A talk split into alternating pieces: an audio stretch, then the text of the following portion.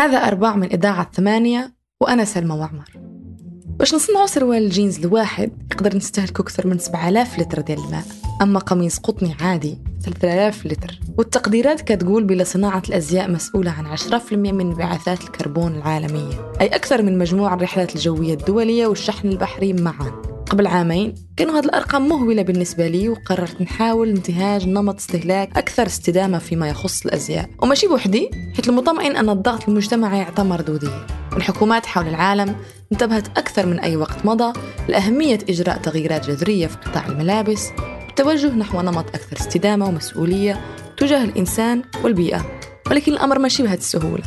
في هذه الحلقة كنستضيف روان مكي طالبة دكتوراه في التصميم من أجل الاستدامة ومصممة أزياء ومهندسة بيئة. وكنهضروا على كيفاش مبدأ الاستدامة ممكن يكون تعاون بين القرارات الاستراتيجية الكبيرة والتغييرات الصغيرة النابعة من المجتمع المحلي العربي. مفهوم الاستدامة هو دائما يعكس الحفاظ على البيئة والموارد الطبيعية ومنه تدفق الموارد داخل وخارج منطقة معينة. ولكن اليوم بالإضافة إلى ذلك اللي هو يعني التركيز على الحفاظ على البيئة فإن مجال أو مفهوم الاستدامة أصبح بشكل متزايد يستدرج الممارسات الاجتماعية والتجربة المعاشة. وذلك يكون لدعم الاستراتيجيات التي تغير الحقائق المادية والبيئية. هذا يعني أنه يجب علينا حماية البيئة من خلال طرق ذات صلة ثقافية ومستمدة من سياق المجتمعات واختلافاتها.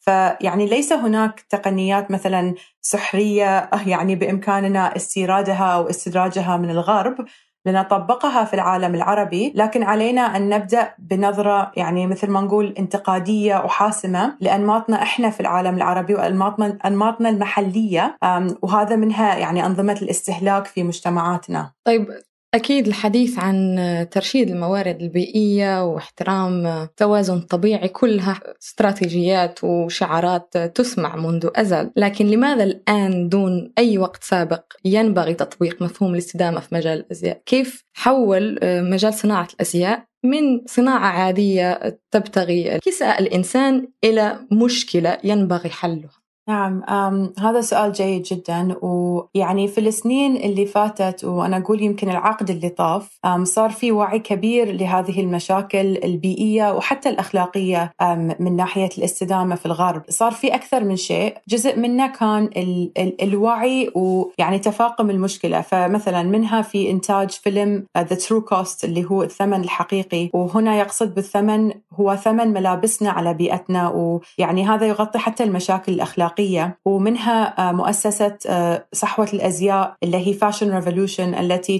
تهدف للوعي وتوعية المستهلك ومنها المنتديات والمشاريع الحكومية في أوروبا بالأخص ومنها الابتكار في صناعة النسيج لنقلل الأثر على البيئة. فيعني هذه كلها تطورات مهمة على المستوى العالمي بس يعني مثل ما ترون كثير منها أو معظمها متمركزة في أوروبا.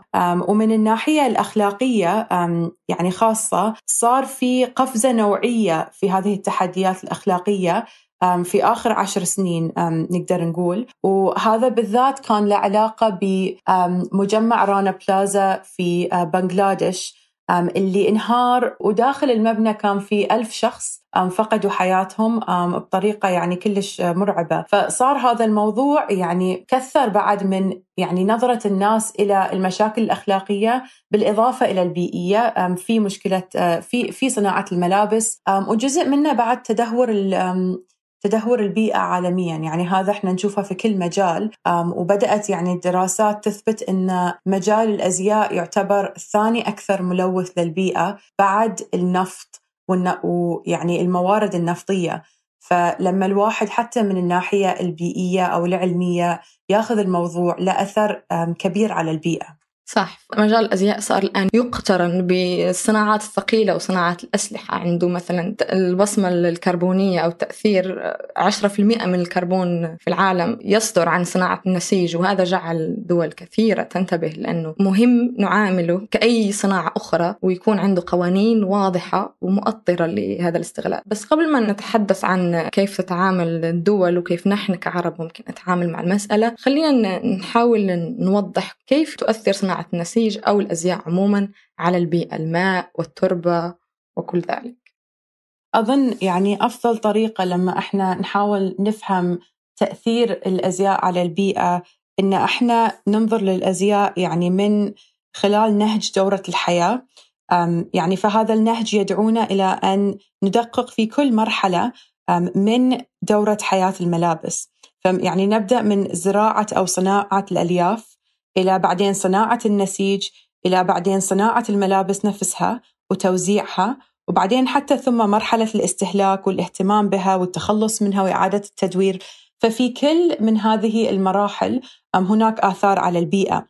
فإحنا لما نشوف أثر البيئة الإجمالي يعني نقدر نقول أرقام مثل أنه هو الثاني أكبر ملوث بعد بعد قطاع النفط أو في بعد معلومة ثانية أنا حسيتها أثرت فيني شخصيا وتأثر في الكثير اللي هو الأزياء يعتبر بعد ثاني أكبر ملوث للمياه بعد قطاع الزراعة. وهذا لأن الأصباغ والألوان اللي تطلع من مرحلة الصباغة في الأزياء تأثر على الماء بشكل سلبي كثير.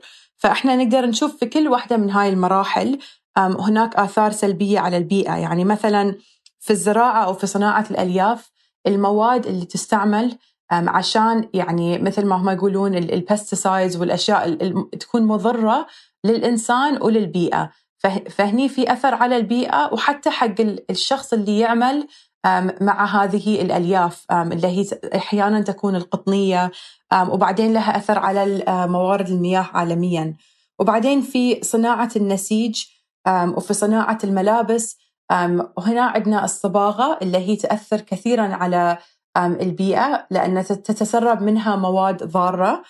ولكن بعد هنا عندنا المشاكل الأخلاقية. فدائما من المهم أن إحنا يعني نفكر في المشاكل الأخلاقية والبيئية في كل مرحلة من دورة الحياة أو نهج دورة الحياة. وبعدين عندنا في توزيعها. يعني توزيعها هاي يعتبر مثل أي توزيع عالمي. ولكن التوزيع في الأزياء شيء سريع جدا.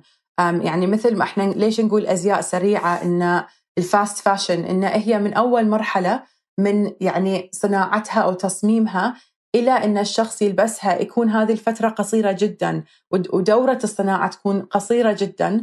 فبعدين التوزيع عالميا له بصمة كربونية كبيرة. وبعدين عندنا مرحلة الاستهلاك. ومرحلة الاستهلاك يعني هاي شيء في كثير من الناس ما يفكرون فيه.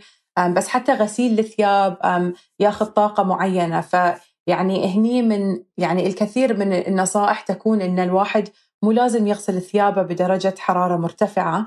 وحتى يعني في شيء اسمه الحين جزئيات البلاستيك أو ال micro fibers أو ال micro plastic يمكن المستمع أو يعني يمكن يكون الناس سمعوا عنها وهذه تتسرب حتى من يعني من الغسيل وتدخل إلى موارد المياه وبدأت تاثر علينا وعلى صحتنا، حتى يعني لها أثر في الاحتباس الحراري لأن هذه يعني المواد مثل البلاست يعني مثل البلاستيك تحبس الحرارة.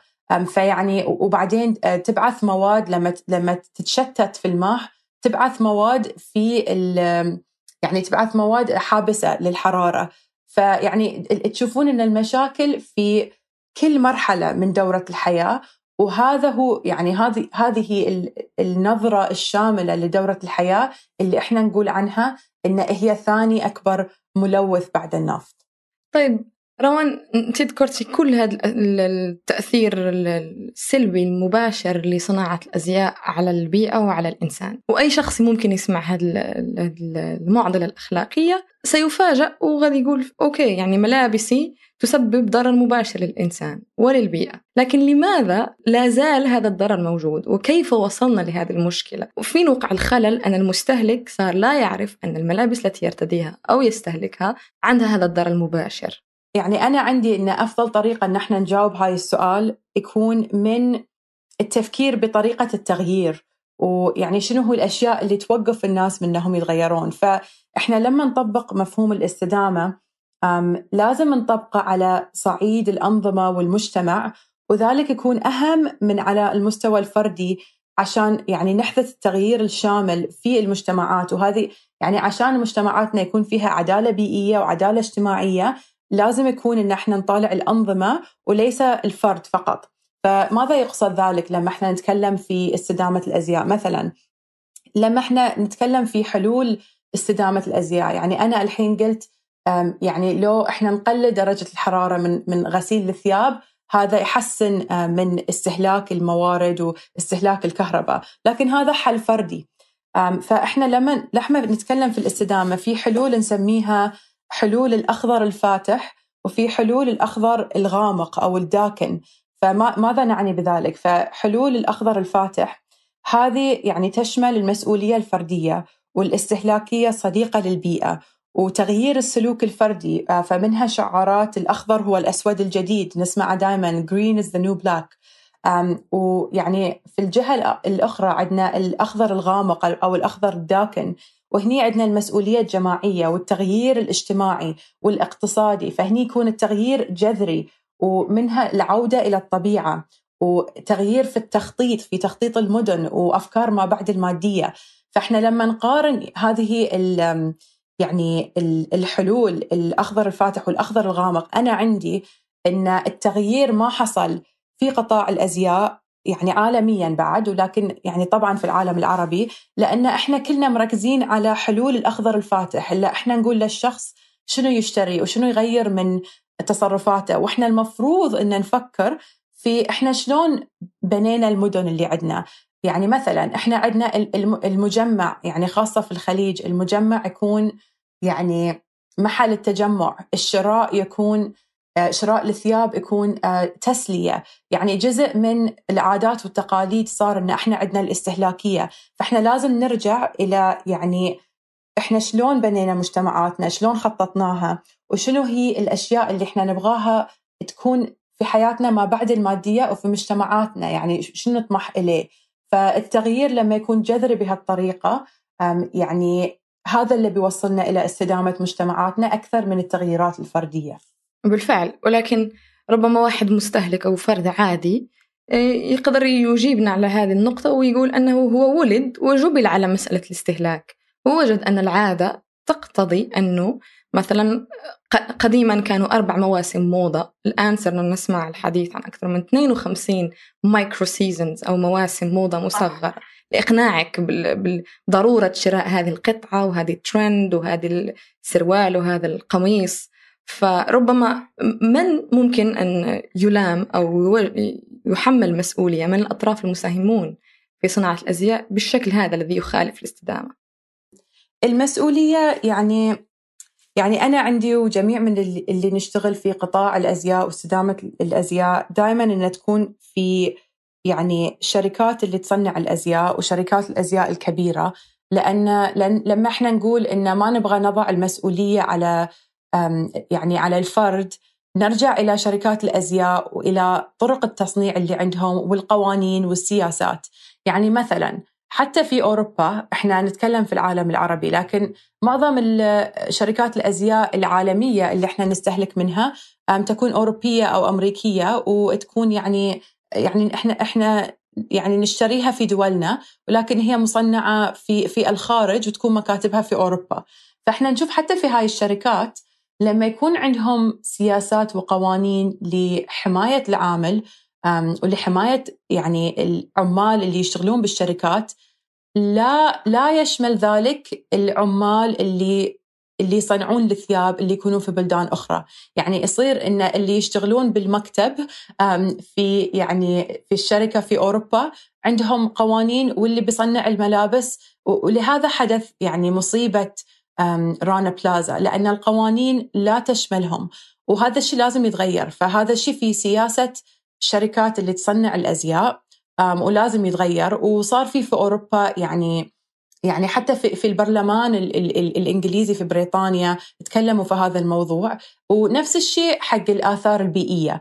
لما الشيء يعني لما الشيء ينتج في بلد ثاني أو الصباغه تحدث في بلد ثاني. الشركة نفسها الشركة الأم اللي تكون في أوروبا كثيرا من الأحيان لا تأخذ المسؤولية لهذا الضرر اللي هو يكون أخلاقي وبيئي يحدث في بلدان أخرى.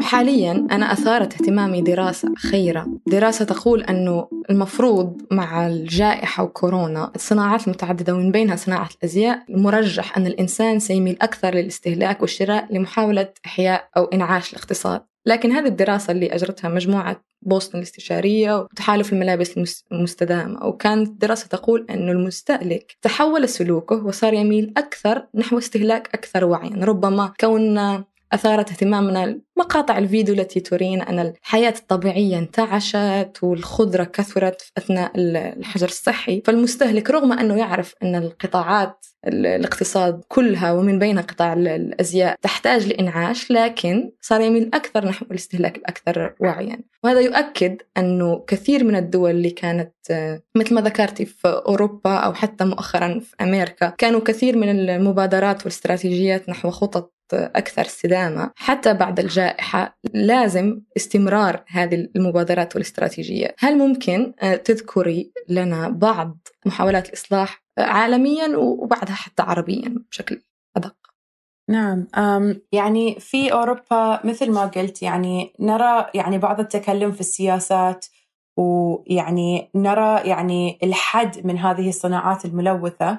ففي بريطانيا بالأخص تحدث البرلمان يعني يمكن لسنتين عن حد المشاكل البيئية حتى لو كانت في بلدان أخرى. ولكن هذا يعني ما زالوا يتكلمون فيه. فيعني هذا موضوع يعني أنا صراحة أقول إن البلدان الأوروبية يعني يعني أنا ما أعتبرهم متقدمين فيه أكثر من الوطن العربي لأن يعني أصلا هم يكونون أساس المشكلة إن الشركات المصنعة تكون عندهم. أما يعني الشركات إذا إحنا نبتعد عن السياسة ونتكلم عن الشركات نفسها فالابتكارات قاعدة تصير في الشركات نفسها وهذه الشركات في أوروبا. فيعني شركة مثل باتاغونيا تتعامل مع قطعة الملابس مثل عقد تصليح السيارة مثلا. فيعني نلاحظ لما نغير الفكر اللي يصير إن إحنا نفكر بقطعة الملابس بهذه الطريقة إن إحنا نرممها ونصلحها ولما نشتريها يعني باتاغونيا تعطي المشتري عقد إن إحنا بنصلح الملابس لمدى الحياة. فهني الواحد يغير طريقة تفكيره بالملابس إنه ما يكون الشيء اللي الواحد يلبسه شيء يتخلص منه بس إنه هو يرجع ويرممه ويحسن منه. وحتى يمكن يتوارثون هاي الأشياء وحتى الشركة اللي تصنع تصنع يعني وهي يعني مخلية في يعني وسط يعني التصميم إن هذا الشيء بيعيش لفترة طويلة جدا جدا. لازم هذه الحلول تكون نابعة من المجتمع عشان توصل عاد إلى الصعيد السياسي لأن يعني في أوروبا السياسة قاعدة ترد على المستهلك اللي قاعد يطالب بهذه التغييرات بعد. ويعني كثير منها بعد يعني تكون من ناحية الاستثمار في يعني الابتكارات الجديدة. فأوروبا مثلا عندها مشروع اسمه تراش تو كاش إعادة تدوير للأنسجة. فيعني إحنا نشوف إن في الابتكارات على الصعيد التقني إن إحنا يعني في أوروبا قاعدين يعيدون تدوير الأنسجة. وفي خاصة الدول الدنمارك ونوروي النرويج والدنمارك يعني عندهم التقنيات بدأوا يستعملونها. يعني لما هم يعيدون التدوير يعني المخلفات اللي عندهم عندهم حتى القدرة أنهم يعيدون تدوير مخلفات النسيج. فيعني هذه البلدان صار فيها تطور ولكن على الصعيد السياسي يعني ما زال الشيء يعني يحتاج إلى إلى يعني تطور أكثر. وإحنا في العالم العربي يعني يعني انت سألتي عن الغرب والعالم العربي يعني صراحة لا نجد حركة قوية لمفهوم الاستدامة على المستوى السياسي ولكن هناك محاولات اجتماعية وهناك أفراد يتكلمون في الموضوع ويعني بدأوا يغيرون من نمط استهلاكهم شخصيا. فيعني لو صار في اهتمام سياسي جاد لموضوع البيئة والاستهلاك يعني على شكل عام في الوطن العربي أنا عندي إن إحنا بنوصل للملابس. بإمكان يعني هذه الحلول أن تكون نابعة من مجتمعاتنا. يعني مثلا يعني كيف نتعامل مع ثقافة المجمع, المجمع بطريقة تساعد أو تكون مناسبة لمفهوم الاستدامة؟ وأنا هني يعني ما أقول إن إحنا نتخلص من المجمع بالعكس يعني يمكن إن إحنا نقدر نطور مفهوم المجمع إنه يكون يعني بطريقة مو شرط إنه هو ملتصق بالاستهلاكية يعني بشكل يعني بشكل عام يعني أكيد بيكون في استهلاك ولكن شلون إن إحنا نطور من هذا الشيء؟ شلون إن إحنا مثلا نعزز ثقافة الخياطة المحلية؟ والصناعة المحلية هو يعني إحنا عندنا إياه لكن يعني يجب أن نعززه يعني بالإضافة إلى استهلاك الثياب اللي إحنا يعني نجيبها من برا. ويعني يعني شيء آخر عندنا إحنا في الوطن العربي يمكن يمكن هذا موضوع أن الغرب متطورين فيه أكثر إن شلون نعزز الشفافية في سلسلة الاستيراد عندنا. فيعني شلون نعرف الشيء جاي من وين؟ يعني أنا من خلال بحثي في يعني في البحرين مع المصممين المحليين كثير منهم يقولون يعني أنا حبيت أن أصير أكثر مستدام في صناعتي ولكن يعني شلون أعرف هاي المعلومات عن النسيج اللي بشتريه محليا؟ يعني لا يكون لا يكون في شفافية في سلسلة الاستيراد عندنا. يعني أنا دائما ما ألوم شخص أو مجموعة لما إحنا نتكلم في مشاكل الاستدامة. فإحنا حتى لما نتكلم عن يعني اللي اللي يجيبون النسيج من بلدان كثيرة كثيرا ما يعني أنا اكتشفت في بحثي أن في العالم العربي مثل ما قلتي في المغرب يعني هذه هذه المحلات اللي تجيب النسيج تكون يعني عادة ما من القرن العشرين مثلا أحيانا تكون مثلا ملك لعائلة وما غيروا طريقة الاستيراد اللي عندهم وما حتى غيروا ساعات علاقات الاستيراد لأن يعني هذه الأشياء يعني ما تغيرت عبر السنين ما استحدثت.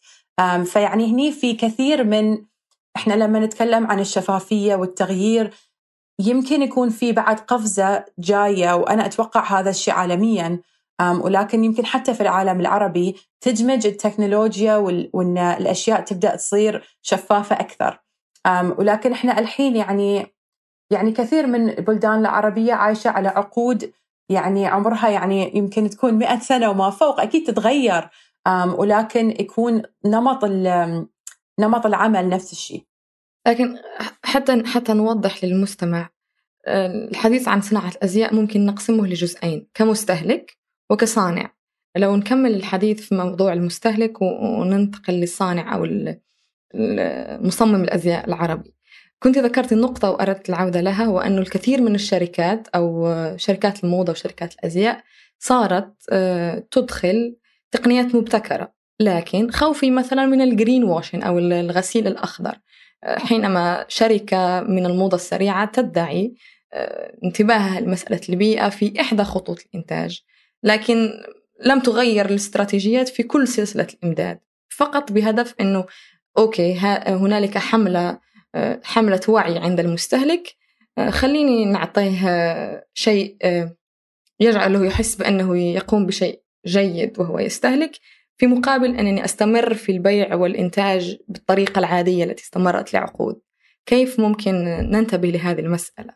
هذا سؤال جيد جدا ويعني دائما المستهلك يحاول يفكر أن أنا لو حاولت أحسن من طريقة استهلاكي كيف أعمل ذلك؟ وصحيح أنه خاصة في الأزياء موضوع الغسيل الأخضر أو ال green washing مشكلة كبيرة جدا جدا لأن كثير من الشركات تتداعى يعني أن هي يعني يعني مثلا تضخم من الآثار اللي هي قاعدة يعني يعني تحققها في مجال الاستدامة. ولكن هنا أظن أن يعني المستهلك لازم يفهم أنه هو يعني عنده قدرة معينة أنه هو يبحث عن الشركات. يعني الحين يعني ما شاء الله إحنا عايشين في زمن أن الواحد يعني يقدر يعني يقرأ أو يعرف عن, عن أي شركة يشتري منها. فيمكن هاي أول يعني أول خطوة أن الواحد يعني إذا شاف شركة جديدة يعني يبغى يتحقق عنها يبحث عنها شوي.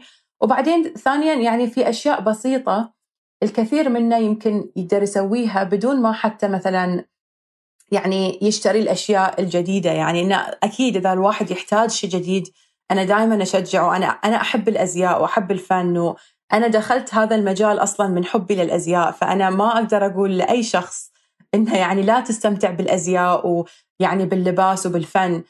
ولكن يجب علينا الاعتدال ويعني نفكر هل أنا يعني أحتاج هذا الشيء هل بلبسه؟ كم مرة بلبسه؟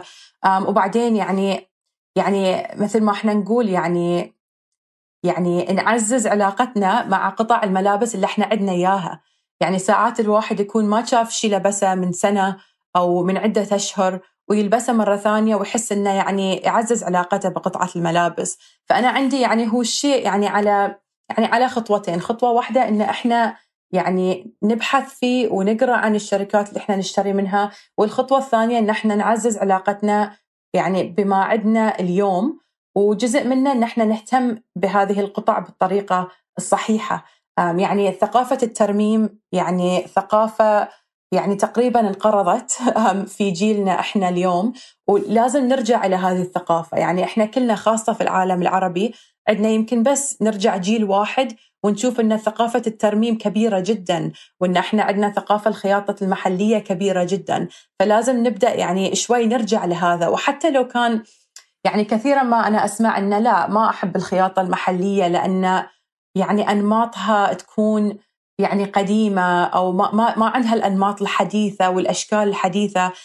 يعني هو يعني الخياطين المحليين أصلا لو الواحد اشتغل معاهم يصممون للواحد القطعة مثل ما يبغى. فهذا شيء ثاني ان إحنا يعني نبدأ نستعمل هذا الشيء. وفي ناس في ناس تسوي هذا الشيء وأنا عندي يعني يعني ناس أعرفهم يعني معرفة صداقة وناس أعرفهم يعني يمكن يعني حتى من بعد بس في ناس تسوي هالشيء.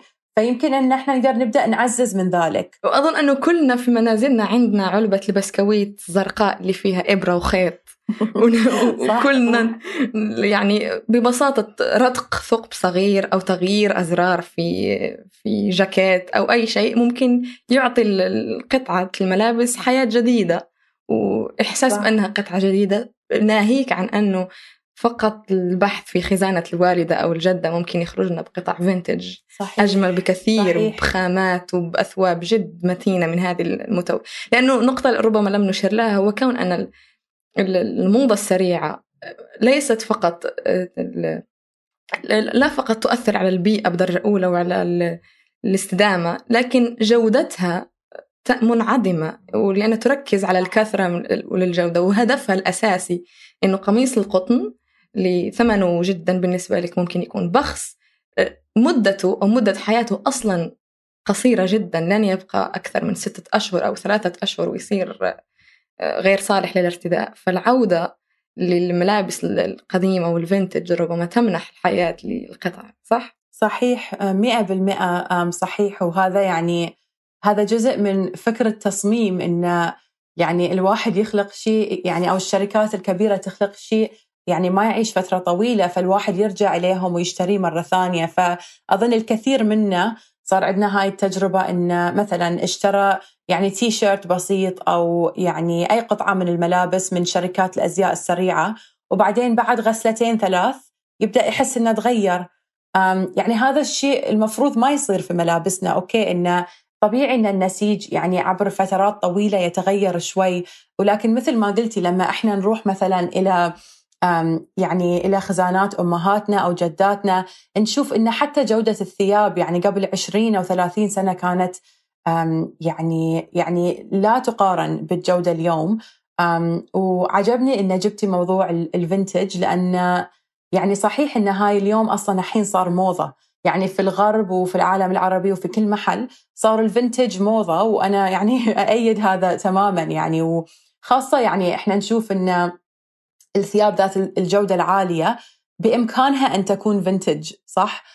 لكن هل بإمكان مثلا تي شيرت بسيط من شركة أزياء يكون فنتج؟ طبعا لا لأن ما حتى بيعيش عشر سنين يعني فيعني لازم نبدأ نفكر بالثياب بهذا المنظور إنه مو شرط يكون فنتج لبنتي بالمستقبل بس يمكن حتى يكون فنتج لإلي أنا أن أستمتع أن بعد سنين ألبس آه، هذه القطعة مرة ثانية آه، روان وش نصيحتك الأخيرة لمستهلك أزياء عربي من جهة ومصمم أزياء عربي يهدف أو يطمح لموضة بطيئة من جهة أخرى. هذا سؤال جميل جدا. أنا عندي للمستهلك أنه دائما يخلي عن عنده يعني الحب وال يعني النظرة الفنية للأزياء وأنه هو يستهلكها يعني بطريقة أبطأ.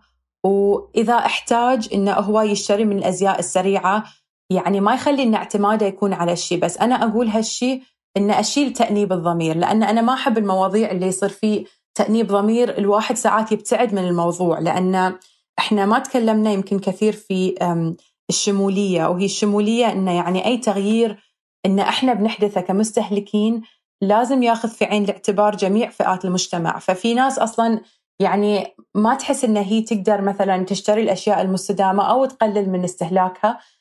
يعني أنا يعني يعني يعني عندي تضامن مع كل فئات المجتمع في هذا التغيير. فالواحد يحاول بقدر المستطاع وإذا ما كان المستهلك المثالي ما يخلي إنه يجي تأنيب الضمير. إحنا يعني كلنا قاعدين نحاول نتغير في أنماط استهلاكنا وهذا الشيء بياخذ وقت.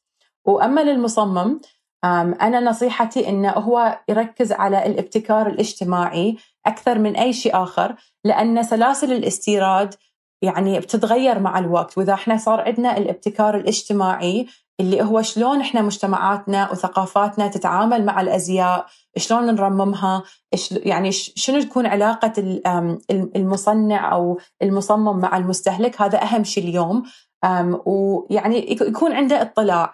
يعني إذا صار في مثلا عنده يعني يعني إذا عرف عن نسيج يصنع في بلد معين وكان في سعر جيد وحس أن معايير الاستدامة والأخلاقية جيدة أنه يمكن حتى ياخذ هذه يعني ياخذ هذه الفرصة ويجربها مرة مثلا أنه يبدأ بالتدريج مو إنه شرط يغير كل شيء في نفس الوقت إنه تدريجيا يبدأ يعني كأنه إنه هو يختبر الشيء ويختبر العملاء شلون تكون ردة فعلهم لهذا الشيء أيضا. عظيم. وفعلا آه، هذه أحسن نقطة ممكن نختم بها. أن التغيير لن يحدث من فرد واحد خصوصا أننا المستهلك في آخر سلسلة الإمداد. وأحيانا يقع عاتق البيئة كله عليه وأحيانا الشركات نفسها هي التي تعمل على إلقاء اللائمة عليه بينما هي مسؤولية الجميع وكل الأطراف. وأضيف لهذه مسألة أن نحاسب شركاتنا ومسؤولينا كلهم ونطالبهم بذلك التغيير اللي نحن كأفراد ما نقدر ما نقدروش نطبقه شكرا جزيلا روان على الحوار الشيق. شكرا شكرا سلمى على يعني الاستضافة واستمتعت كثيرا. مع السلامة. مع السلامة. أنتجت هذه الحلقة غيداء جمعان حرارها وهندسها عبد الله المالكي أشرف على إنتاجها ثمود بن محفوظ ومازن العتيبي وأسيل بعبد الله.